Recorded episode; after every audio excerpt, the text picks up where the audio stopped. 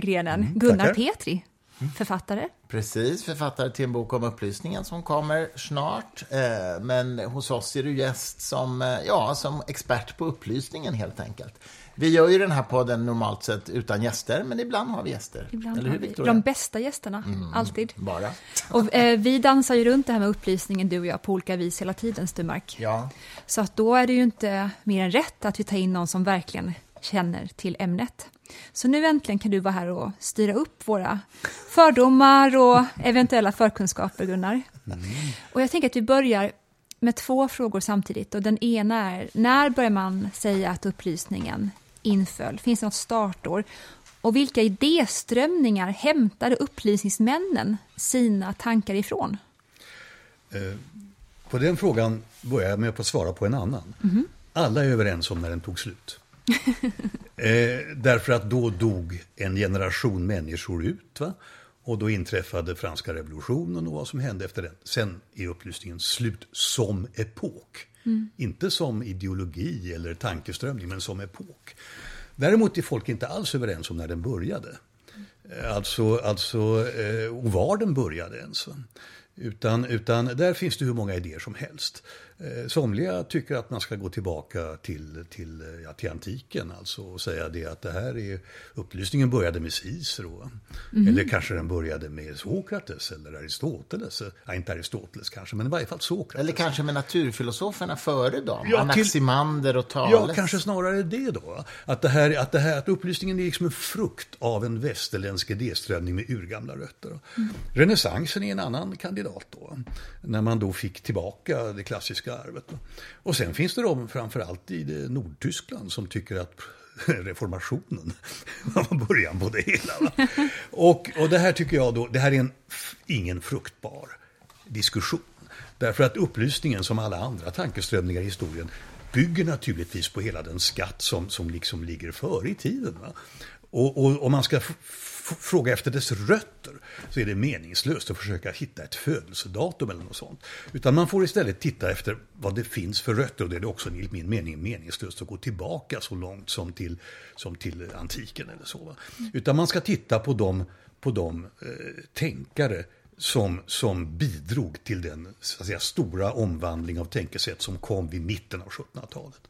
Och då är det som vi talade om alldeles nyss, du och jag. tidigare, en annan podd, Då, alltså. då tror jag att man ska alltså eh, dra fram faktiskt Spinoza. Eh, Som alltså var en, en, en judisk, eh, judisk i Holland boende tänkare. Som Linsslipare var han, Han va? var till yrket optiker, ja, det, Mm. precis. Och han, han skrev då på latin en ganska kort skrift eh, som blev brännstoff så att han blev förföljd av alla eh, religioner. Alltså katolicismen förföljde honom, eh, kalvinisterna i Holland förföljde honom, de kristna kyrkorna i, i, i, Nordeuropa. Ingen Hans ville- egen församling också. han, han blev utesluten ur hans församling. På för evigt Och, utesluten. och han brukar ju då kallas för panteist och eh, liksom tänkte i termer av att Gud är hela naturen. Då har man ju redan börjat på spåret mot en grundläggande kritik av kyrkan. Så att Spinoza är, ska man börja med någon är Spinoza en tanke. Va? Och hur, hur, bara som en parentes, hur, hur vanligt var det på den tiden att formulera tankegångar kring en icke-teistisk gud? Ytterst ovanligt. Eh, Nästan inte alls förekommande. Och jag tänkte komma till, vill du ha andra kandidater än Spinoza så Gärna. kan vi hitta några samtida. Och då är vi inne på vetenskaplig revolution. Alltså då, då kan man säga att vetenskapen kanske föddes med Newton. Eh, I England. Va? Eh, Eller kanske till och med med föregångare i England som Bacon eller alltså, så- den typen av tänkande. Det är klart att de har varit föregångare. Novum organum. Eh, Precis. Bacon. Eh, och, och, och, och, så det är en idé då. Det är klart att den vetenskapliga revolutionen var en, en, en nödvändig men inte tillräcklig förutsättning för upplysningen. Men det var inte upplysningen. Och sen har vi ju paradnamnet då, John Locke. Alltså en engelsk filosof som, som verkade i slutet av 1600-talet. Och där, hos John Locke, han- han kan mycket väl räknas till upplysningen till och med. Va? Men han brukar inte göra det eftersom han dels var troende kristen och dels inte alls tillhörde den, det sammanhang eller den grupp som utgjorde upplysningen. Mm. Eh, och sen har du en herre som heter Bäl, B-A-Y-L-E, mm. eh, som också var eh, landsflyktig i Holland från England, alldeles som Locke. Mm. Och de här människorna, de, de är förelöpare. Mm. Och de fungerar på olika sätt och på olika vis, men det är inte upplysning. Den, den kom i början av 1700-talet och enligt min mening, om man ska datera den alls, om man vill göra det, så är det Montesquieus debutverk. Mm. De persiska breven, Les Lettres Persanes, som var en satirisk, humoristisk, svidande kritik mot vad Montesquieu uppfattade vara hans hycklande och fördomsfulla Frankrike. Mm en föregångare till Voltaire som då debuterade ungefär samtidigt. Så att Voltaire och Montesquieu, när de satte igång 1720-1730. Mm. Men det är alltså en kollektiv ansträngning som de här aktörerna, de känner ju inte till varandra såklart heller. Inte i början i alla fall. Ja, alltså, alltså man kan säga, alltså då är vi tillbaka till Locke, för att både Montesquieu och Locke åkte som unga till England. Mm. Därför att där var det ingen censur. Och där kunde man eh, tänka och, och, skriva ganska fritt. Och där, då var Locke död, va? Men, men de tog intryck av Locke och de träffade varandra. Mm. Eh, och och en, en, någon av dem, jag har glömt vem, gick på Newtons begravning. Oh, den, ska vara, den ska vara bra den. Och, sen, och sen, sen, sen, formades, så att säga, i efterföljd av de här två portalfigurerna, så formades ett, ett stort kotteri mm. av, av människor som kände varandra personligen, läste vad man skrev, utbytte brev, hälsningar, ibland hade kärleksförbindelser, ibland hatade varandra. Mm. Så jag brukar beskriva upplysningen som ett stort kollektivt europeiskt seminarium i två generationer. Som en stor, klok och lite dysfunktionell familj kanske? Ja, det, Men det här, ganska bra. Ja. Men det här taket som man i alla fall nävar upp emot, det är då kristendomen och katolska kyrkan. Och att sanningsanspråket ska helt och hållet ägas enbart av den religiösa makten vad det gäller hur världen blev till och även hur människan bör agera. Det är det man vill bryta igenom. Det är ju en grundläggande sak, men inte alls bara de kyrkorna. De protestantiska var ju precis lika förtryckande på den tiden. Ja, ja, absolut. Eh, så att de måste ju med. Ja, det är klart att, att, eh, så att säga, religionskritiken ter sig naturlig i länder som, som, som det katolska Tyskland, i Frankrike, i Spanien. Va? Eh, men, och även i någon mån i sådana här ortodoxt luterala länder som Sverige. Va? Men det var ju mycket mer alltså. alltså det var ju också en tankegångar om, om en humanistisk tanke om människans eget ansvar för sitt eget öde. Mm. Om, om, om, om eh, de här samhällskontraktstänkarna Eh, så de kan man lägga till förresten som föregångare, alltså Grotius och Pufendorf och sådana där som, som på det hela taget sa det att eh, lagar är inte föreskrivna av någon gud eller någon profet utan lagarna är någonting som formas av människor med rättigheter i samspel med varandra. Och så småningom kan man ju får rena kontraktsteorier ut i det som de säger då att det är folket som har makten och folket kan skaffa sig en kung om de vill men de behöver inte göra det och de kan också avsätta honom om de inte vill ha honom längre. Mm. Mm. Så att det är religion och politik. Och tycker jag en tredje aspekt, nämligen den här idén om att vi kan faktiskt använda undersökande metoder för att begripa hur världen är beskaffad. Ja. Alltså den vetenskapliga metoden Absolut. som det sen kom att kallas. Och där, där, där, det är ju rötterna hos den vetenskapliga revolutionen. Ja, precis. Och man kan säga att, som blir en del av upplysningens ja, liksom, alltså jag, jag, tycker man ska se det som två skilda saker. Okay. Mm. Därför att eh, upplysningen hämtade från den vetenskapliga revolutionen sitt universalistiska angreppssätt mm. och sin metodik i mycket. Va? Sin empiri. Men upplysningen är egentligen det som den vetenskapliga revolutionen aldrig kunde åstadkomma. Nämligen frågan om hur man ska leva, frågan vad en människa är, ja, vad som är rätt eller fel, hur samhällen bör konstrueras. Mm. Mm. Och, så att upplysningen är för mig en, någonting som är grundat i den vetenskapliga revolutionen, men som sen är en kompletterande faktor. Mm, jag förstår vad du menar. Det... Och hur tycker då eh, en klassisk upplysningsman på 1700-talet att människan ska leva? Eh, upplysningen är en dynamisk företeelse. Och eh, det, de hade olika åsikter. Alltså, alltså utgångspunkten, den primära utgångspunkten är människan är myndig. Eh, det är genom att vi tänker tillsammans, verkar tillsammans, eh, som vi, som vi ska forma världen. Och, så det fanns en öppenhet till att börja med. Men sen kan du ju säga att de tidiga upplysningspersonerna, Montesquieu och Voltaire, de tänkte sig inte en revolution, eller en blodig revolution. De tänkte sig ett gradvis reformerande uppifrån. Mm. I, I, den mån det gick. Mm. Och de hade ju då framförallt England som, och så småningom USA som föredöme. Där hade det ju gått. I England hade man ju haft en revolution 1688 där man körde iväg kungen. Fast det skulle väl kunna gå i Frankrike också kanske. Mm. Men, men liksom tonvikten ligger på att det, är, det, finns värden i varaktiga strukturer, samhällen. Till och med en kyrka kan vara till nytta genom att liksom vara ett moraliskt ankare i samhället och sådär. Men en sorts organisk evolution som Pre reglerar precis. och sköter sig själv, nästan som en, den osynliga handen så det kan, Det kan man nog säga. Men, men sen så, och de här herrarna, de, de, de dog ju så småningom och då kommer vi liksom lite senare i upplysningen. Och när då lite mer radikala tänkare började upptäcka att det här funkade ju inte.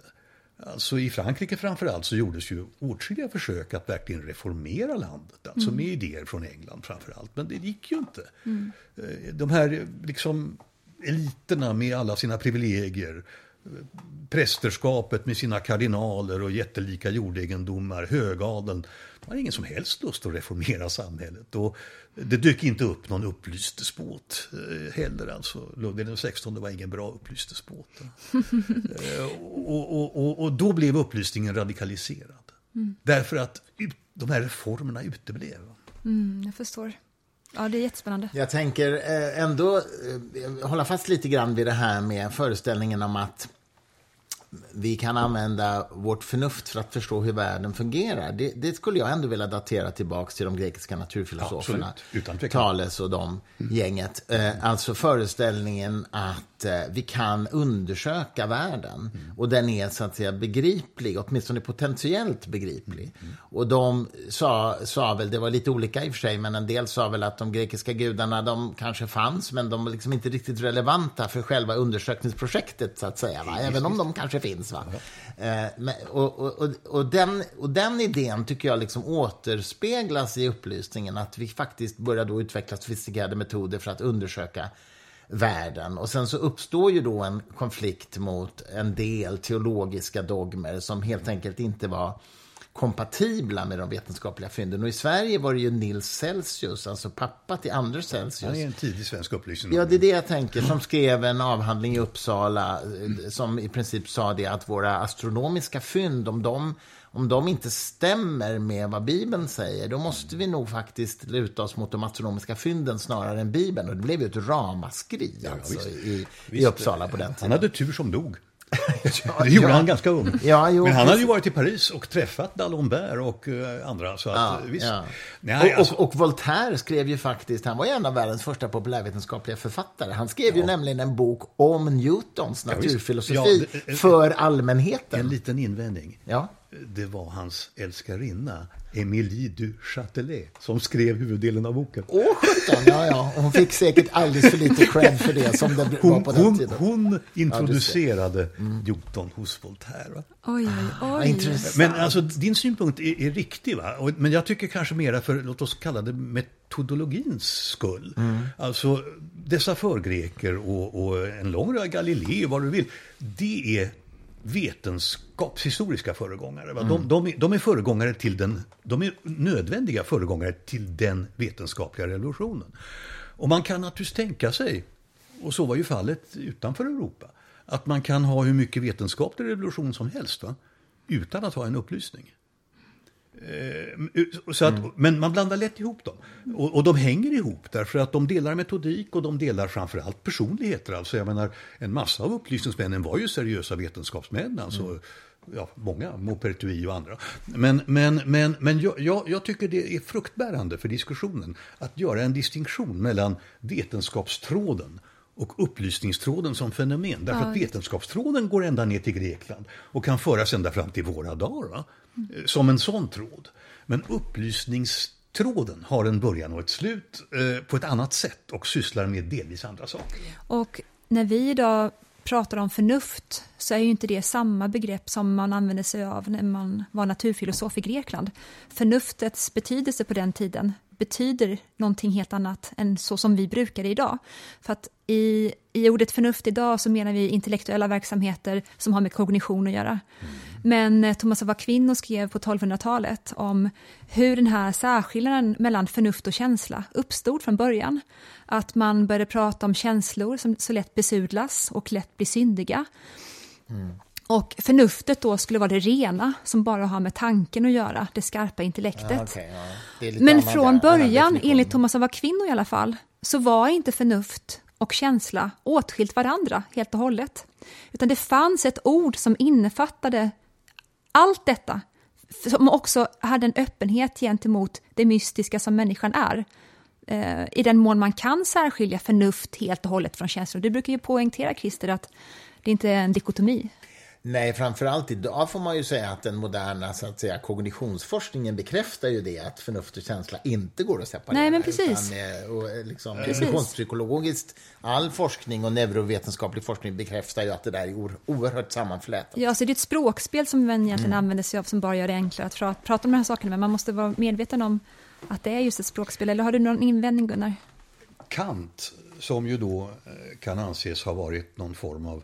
Alltså Kant var i sin så att säga, samhälleliga politiska del så var han en radikal upplysningsfilosof. Mm. Våga veta, sapere eh, aude. Ja, och även, även i sina ståndpunktstaganden. Alltså, mm. Han var mot erövringskrig, mot imperialism, han ville ha, och så vidare. Men han var ju då, han var ju då en, en, en sträng kunskapsteoretiker och byggde upp ett system. Han hade ett enda porträtt hängande på sin vägg eh, i det hus där han bodde hela sitt liv. Och det var Rousseau. Det tror Jaha. man ju inte riktigt. Mm. Alltså Rousseau är ju känslans stora upplysningsperson. Dionysos-aktören, det kan man säga. Ja, och, och det, liksom, det förvånar, för mig förvånade det. Ja. Men om man tänker efter lite grann så är det nog riktigt. Därför att, därför att eh, Kants eh, filosofi låter förnuftet göra halt. Och säger att förnuftet ställer frågor som det inte kan besvara. Mm. Och där finns ju känslans värld. Mm. Och, så att hans syntes är nog ganska mycket en syntes mellan känsla och förnuft där man försöker få de här två begreppen att bli en, en faktisk helhet. Ja. Eh, så jag ger dig rätt i alltså att förnuftbegreppet har förskjutits väldigt mycket. Men om du ser det med liksom upplysningsvärldens ögon mm. så är det ju fel att säga att upplysningen gillade bara förnuft och var rationell. Och sen kom då romantiken som var helt oförnuftig. ja. men, men i gengäld var full av känslor. Va? Mm. Alltså det, är, det är en schabloniserad felsyn. Ja, ja, mm. ja. Eh, nej, jag, jag, jag bara tänkte reflektionen också att eh, på det jag sa alldeles nyss, att modern kognitionsforskning visar att det här är väldigt sammanflätat. Här gäller det ju ändå att inte göra Humes naturalistiska felslut, det vill säga bara för att det är sammanflätat betyder ju inte att det är bra att det är sammanflätat, åtminstone inte alltid. Eh, och, och, det är ju det som mycket av kognitionsforskningen handlar om också, att visa var vi lätt går fel därför att vi blandar ihop. Alltså, ta en sån enkel sak som confirmation bias, eller bekräftelse-bias på svenska. Heter Förförståelse. Eh, ja, att vi till exempel söker information som bekräftar det vi redan tycker eller tror och avfärdar information som inte bekräftar. Hela det, tiden. Det är, ja, och, och det är ju då för att känslan blandar sig i den förnuftiga analysen på ett sätt som inte är fruktbart i det fallet. I, det, precis, i vissa fall kan man ju destillera det, så ja. att man ser den urskiljningen. Det Men mm. det jag menar är att eh, när man ska förhålla sig till de ytterst märkliga och till stor del osynliga inre processer som genererar mm. eh, tankegångar som försöker eh, förstå, utkristallisera verkligheten, mm. då har vi ganska få ord för att beskriva vad det är för inre processer som Truly. pågår. Vi har egentligen bara förnuft, känsla, psyke, Alltså det är ett otroligt fattigt språkspel som mm. vi har för den inre anatomin. Ja, men, men, ingen torde väl göra gällande att det bara är det ena eller det andra? Nej, det är ju det. Precis. Eh, Precis. Det, det, det, är väl sant. Ja. Det är också, tycker jag, så fascinerande att, att modern neurovetenskaplig forskning så väldigt tydligt säger att vi skapar vår verklighetsbild i mycket större grad än vad vi tror. Och det där är ju viktigt, det kan ju låta väldigt flummigt att säga så. Man ska liksom inte missta det för, för, för att betyda att verkligheten inte finns där och så vidare. Men att till bara en enkel sak som att som någon förklarade för mig, någon forskare, att vi ser inte i färg förutom Eh, precis där vi fokuserar. Resten av synfältet är svartvitt, men vi fyller i det. Därför vi, vi såg det ju alldeles nyss när vi tittade runt, så hjärnan efterkonstruerar det. Och det här är helt enkelt för att hjärnan är energieffektiv. Va? Hjärnan konsumerar ju 20% av all energi som kroppen konsumerar. Och eh, det är vårt mest energikrävande organ och därför så måste det optimera sin energianvändning eh, så mycket som möjligt. Så att den så att säga fyller i åt oss en massa saker. Va? Och, eh, och det är ju därför vi också kan se saker som inte finns ibland, därför att vi, vi tror oss veta att det finns där. så att säga. Jag har varit med om det själv när jag korrekturläser ett bokmanus. Mm. Så i ett fall så vet jag att en författare ofta använde ett, ett ord felaktigt alltså med fel betydelse. Och um, jag hade sett det på flera ställen. Och så läser jag en mening där, oh, nu gör han den här tabben igen. Och så tittar jag på meningen ordentligt och det ordet stod inte där. Men jag såg det alldeles nyss. Du hade fungerat som AI, du hade fyllt i där alltså. ja, och jag menar den mänskliga hjärnan gör detta och det vet vi idag. Va? Så att vi konstruerar vår verklighet i ganska stor utsträckning, alltså inifrån och ut Men, snarare. Alltså, det ämne du tar upp här tycker jag är väsentligt för förståelsen och även missförståelsen av, av upplysningen. Mm.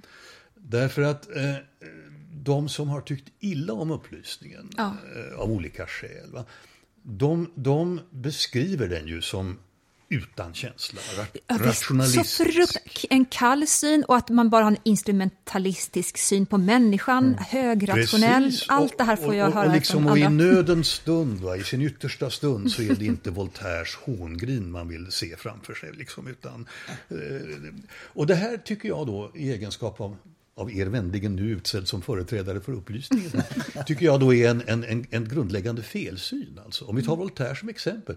Voltaire var ju en ytterst känslosam person. Alltså.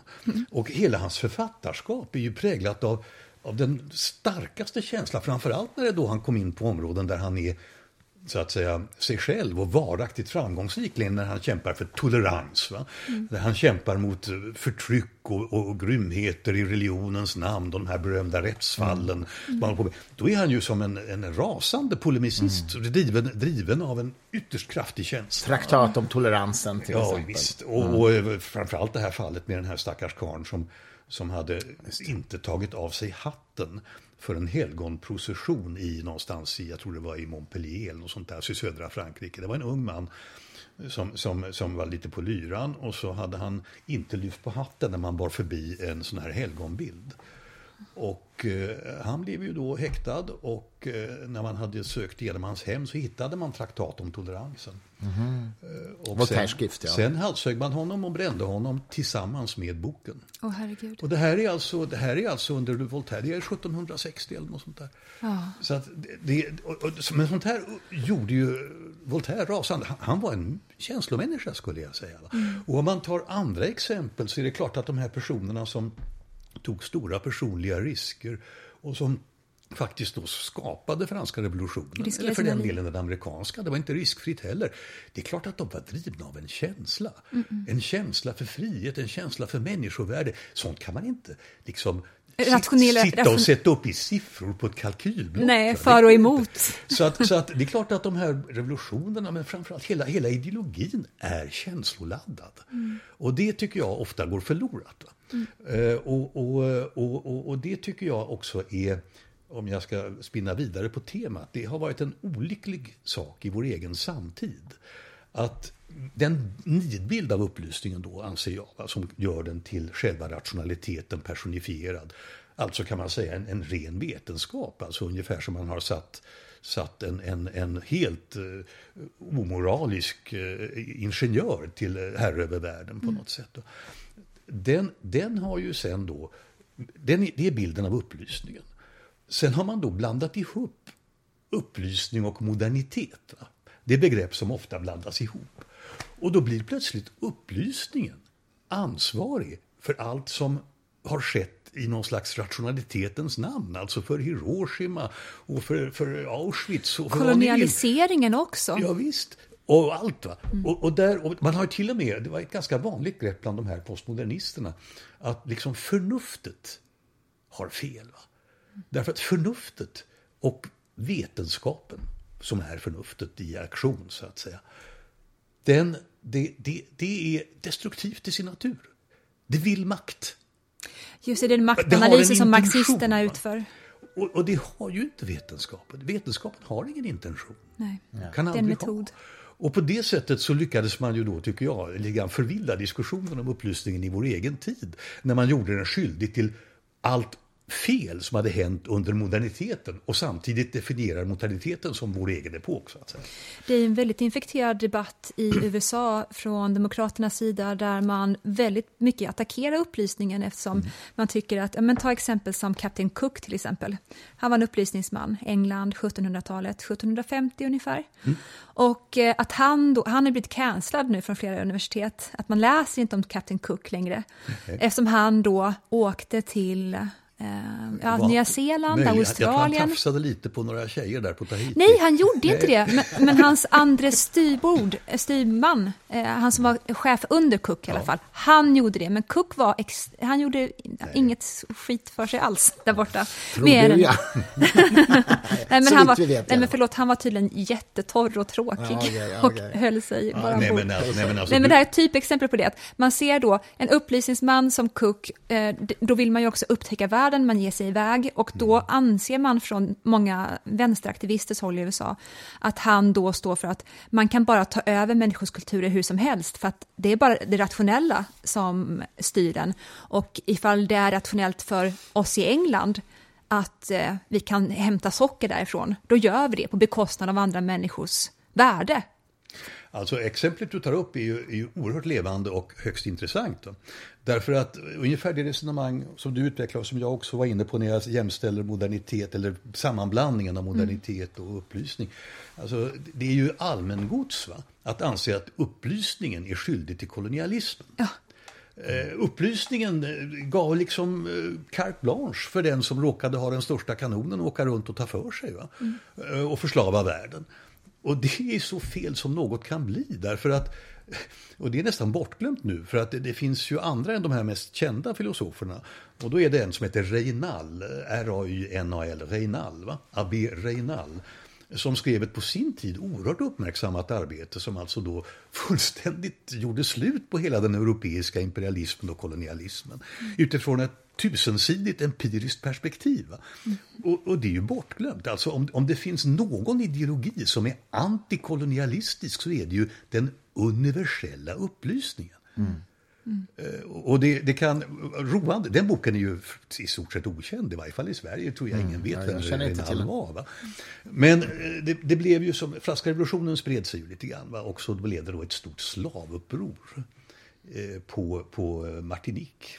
Mm, Västindien, Tror jag det var. Mm. Och det var då en, en herre som hette Toussaint Louverture som då eh, med deklarationen om mänskliga rättigheter i högsta hugg så att säga gjorde uppror mot slavägarna och etablerade en republik. Mm. Eh, och wow. det där, det där eh, varade ju då ett kort tag så länge revolutionen liksom levde. Men när Napoleon kom så kom ju slaveriet tillbaka. Mm. Och England och Frankrike intervenerade gemensamt och slog ner det här. Och när de då hade kommit fram till den här Toussaint Louvertures hus så hittade de den här boken som den här Reinald hade skrivit uppslagen på hans skrivbord. Ja, märkligt.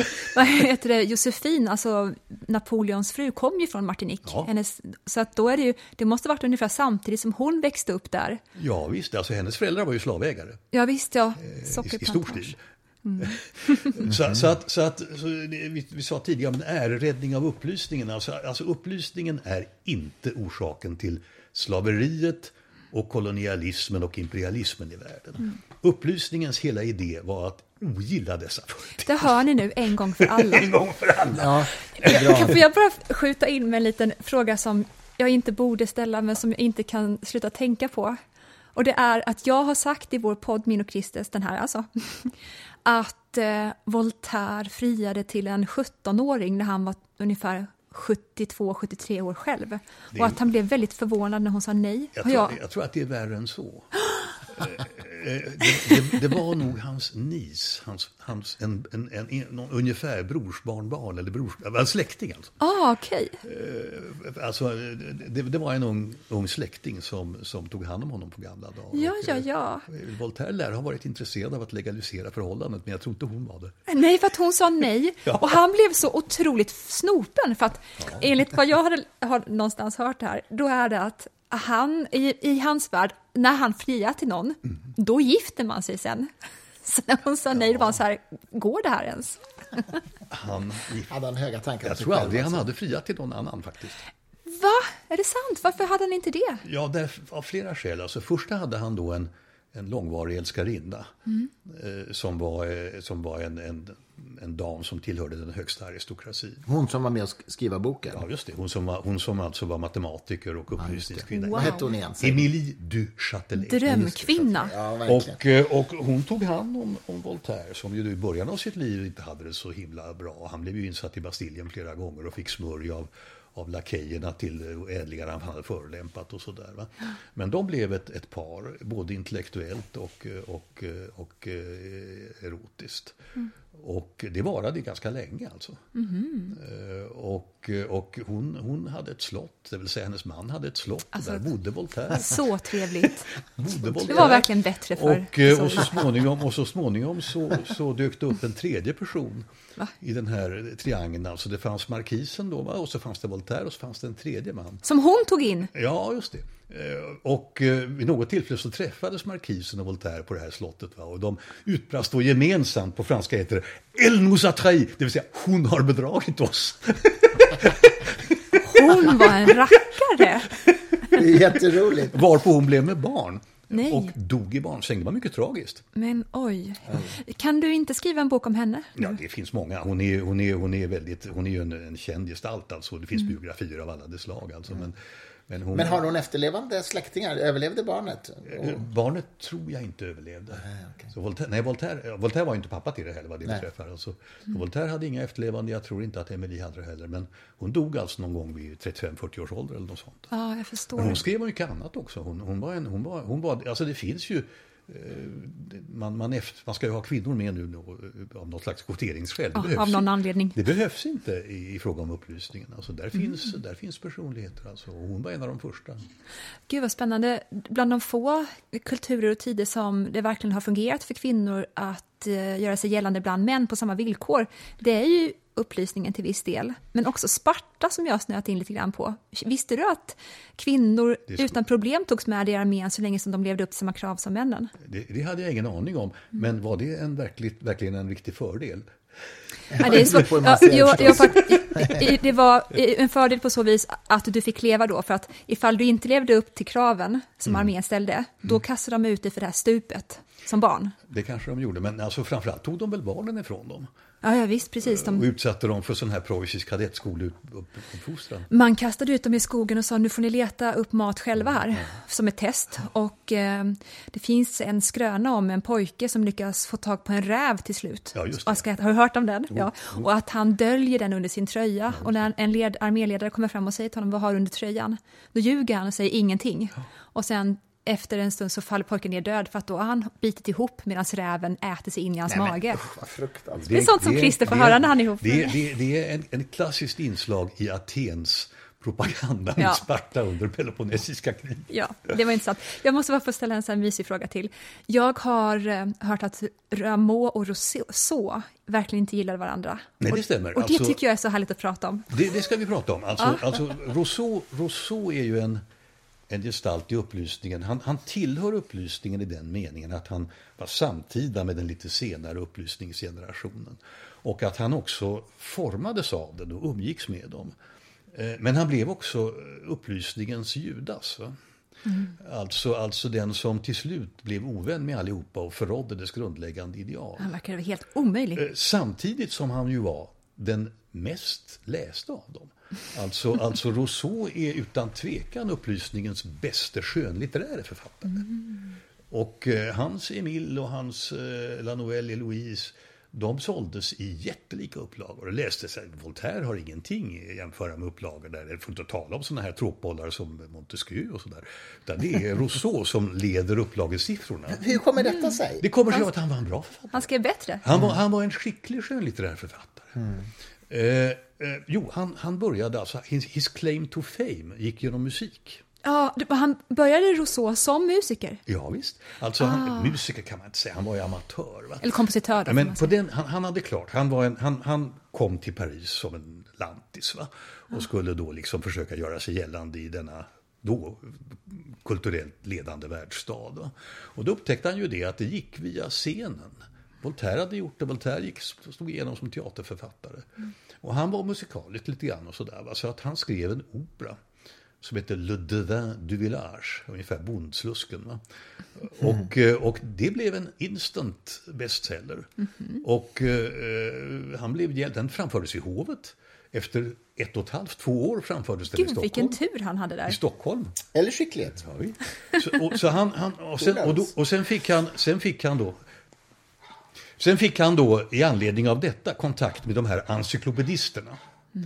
Eh, som, och, och det var ju då Diderot och d'Alembert. Det var ett seminarium i sig. Men de gav den här killen då, en lantis från Genève, va? de gav honom i uppdrag att skriva artiklar åt encyklopedin. Men inte om sånt här spännande upplysningssaker, inte, va? utan om musik. Ja, ja, ja. Så tittar man på liksom artiklar om notskrift eller artiklar om musikteori så är det, så är det, så är det Rousseau som har skrivit. Och de där artiklarna sattes ihop sen eh, eh, till ett eget band och har blivit i musikhistorien, alltså ett, ett lite grann epokgörande verk. Han uppfann en ny notskrift som han eh, gjorde propaganda för.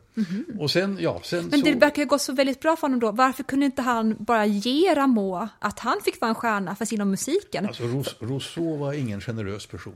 Nej, för att han spred ju rykten om att Rameau var snål och sånt. Vilket han kanske var, men det var väl bland det dummaste man kunde alltså, säga om alltså, honom. Ros, Ros, Rousseau ville ju, ville ju göra sig gällande på ett område där han egentligen var amatör. Va? Ja, ja. Och, och ett, ett sätt är ju att misstänkliggöra de riktiga experterna. Och han blev inte någon framstående kompositör heller. Men, men, eh, men det var där det började. Mhm. Eh, Och, och sen kom ju då eh, se, senare verk som gradvis blev rent motupplysning. Va? Alltså han, var, han började som sagt eh, helt eh, umgicks med de här och blev kompis med en bästis med Diderot.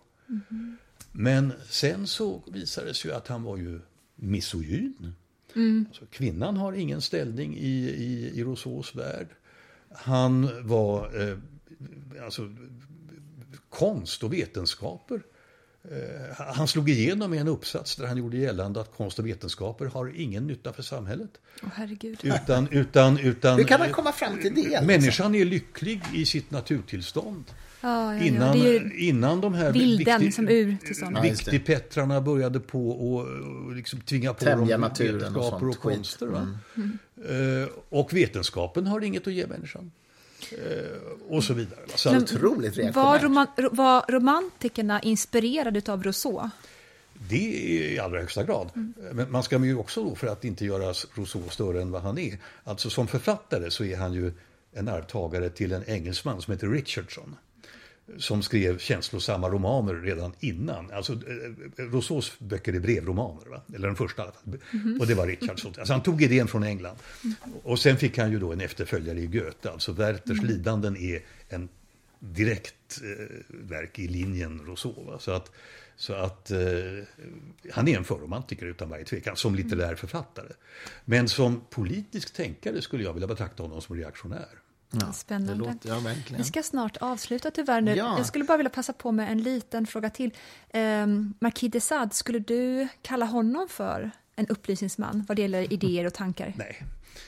Eh, Alltså det, det, där, det, där är ju, det där är ju, tycker jag då, eh, ett sätt för de som tycker det är roligt att, att eh, just använda någon form av liksom helt samvetslös, amoralisk rationalism. Att så att säga beskylla upplysningen för det. Alltså den här stackars Saad, va? som ju var insatt på dårhus större delen av sitt liv. Va? Och som då möjligen i verkligheten, men i varje fall i sina texter då, eh, utövade en, en måttlös, gränslös sexualitet som någon form av upphöjt ideal. Va? Med, med liksom också sadistiska inslag att liksom förknippa honom, han umgicks inte med några upplysningsfilosofer, han torgförde inga upplysningstexter på något enda vis. Det är efteråt så har alltså alla möjliga olika författare va, intresserat sig för den här boken, Justin heter den, någon och det finns en till också. Va? Eh, därför att det här blir kittlande och roligt. Va? Och eftersom han levde på den här tiden så har man alltså liksom kommit att sammankoppla. Så gifter man ihop det två. Men att, att lansera honom som en, som en upplysningsperson tycker jag är helt orimligt. Va?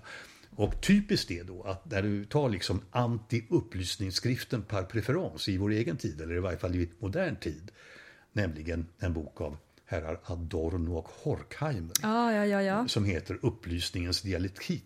Mm. dialektik, ja. Mm. Den boken den, den gör då ner upplysningen på alla vis och gör alltså framförallt då i huvudspåret att det, det är skyldigt till folkmorden. Mm. Mm. Inte Stalins, va? men Hitlers. Va? Mm. Men där, där liksom så, det blir ett obligatoriskt besök hos Marquis de Sade. Även i den boken. okay. Boken är bisarr. Den, den, den, den, har en lång eh, passage om, om Odysseus. Mm. Som, som, eh, som ror omkring då på havet och stoppar vax i öronen på besättningen. Det är arbetarklassen roddarna i båten. Och eh, Odysseus är den som stoppar eh, vax i öronen och står ovanför alltihopa. Det är alltså den eh, elitistiska filosofen som inte stör. Mm. I alla fall, där finns ett besök i den boken skildrat hos just de Sade. Och då lyckas man liksom på ett insidiöst sätt få upplysningen medansvarig för också liksom total amoralisk sedeslöshet. Mm. Ja. Där hör ni alla nu, ni där ute som slutar förknippa Desad med upplysningen. Ja, precis. En sista fråga då, ehm, bara en framåtblick lite grann.